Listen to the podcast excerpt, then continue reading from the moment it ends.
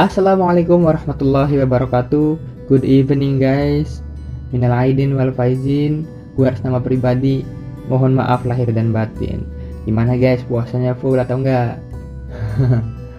Oke balik lagi bareng gue Andrisnya ini di Limited 5 menit edukatif edisi ketiga.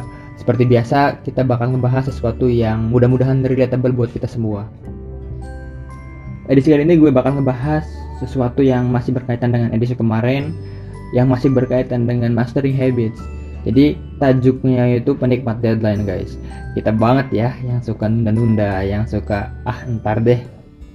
Pernah gak sih kita ngerasain kayak kita mau ngerjakan sesuatu dan itu kita kayak susah banget mau ngerjain itu. Kayak kita males banget mau ngerjain itu. Kan misalkan kita ngerjain uh, tugas kuliah ngerjain skripsi ngerjain project ngerjain ya apa pun kerjaan kalian dan kalian ngerasa nggak ada motivasi sama sekali to be honest gue juga sampai detik ini sampai gue buat podcast ini ya gue juga masih sering nunda-nunda gue masih suka uh, ngerjain sesuatu itu di deadline dan gue bersyukur banget ketika gue ngebahas ini dan teman-teman juga rekom uh, pembahasan ini ya at least gue punya hal yang gue nggak tahu dan sekarang tahu gitu. Padahal nih teman-teman kalau kita sering ngelakuin hal-hal yang kayak gitu when we say besok aja deh ngerjainnya. Timbang masih lama kan? Itu bakal ngebentuk habit bakal ngebentuk suatu kebiasaan dan akan menjadi behavior aja buat kita gitu. Ya ini yang kenapa gue bilang ini masih berkaitan dengan mastering habit di edisi yang sebelumnya. Kadang-kadang kita banyak mimpi banyak goals tapi minim banget yang namanya eksekusi. Ya kita mau mulai eksekusi itu kayak mau ngeruntuhin benteng gede banget. Dan itu ya susah banget buat kita. Parahnya sih kita kadang suka nge-framing diri kita bahwa kita itu ya ya udah kita passion di situ. Kita udah uh, udah ada di zona nyaman itu. Mau mulai ngerjain tugas ngerjain skripsi ngerjain project itu kayak berat banget ya kan? Kayak ya, ya udahlah nanti aja bisa. Ya udahlah nanti juga uh, selesai. Dengan alasan kadang-kadang kita ngomong saat terdesak kreativitas meningkat. Saat terdesak kita akan lebih semangat. Dan ya ya selesai juga nanti gitu.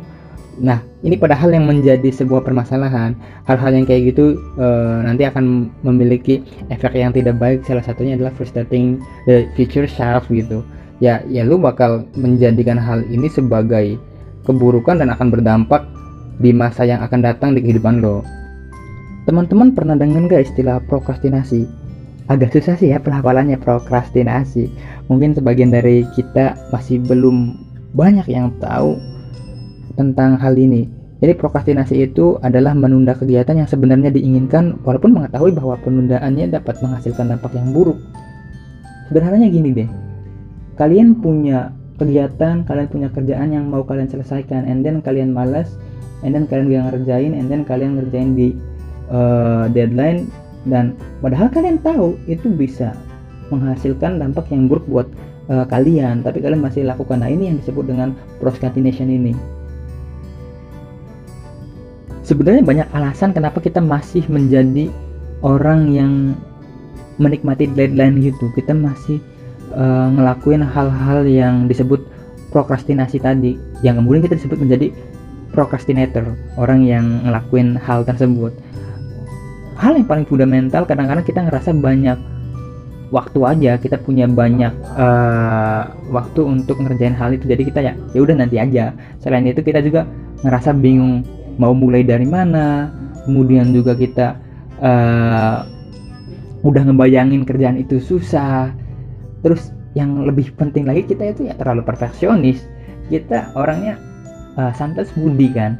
Kalau kita nggak mood ya ya udah kita nggak mau ngerjain. Nanti yang dikhawatirkan kita ngerjain itu ketika kita nggak mood ya hasilnya dari apa yang kita kerjakan project kita tadi ya yang nggak sebagai penutup eh, Benjamin Franklin founding fathers Amerika Serikat mengatakan anda mungkin bisa menunda tapi waktu tidak akan menunggu. So kalau kalian punya pertanyaan gimana cara buat ngatasin budaya menunda-nunda itu jawabannya ya mulai aja sekarang. Kira-kira itu guys yang bisa gue bagi, mudah-mudahan bermanfaat. Do everything and do the best.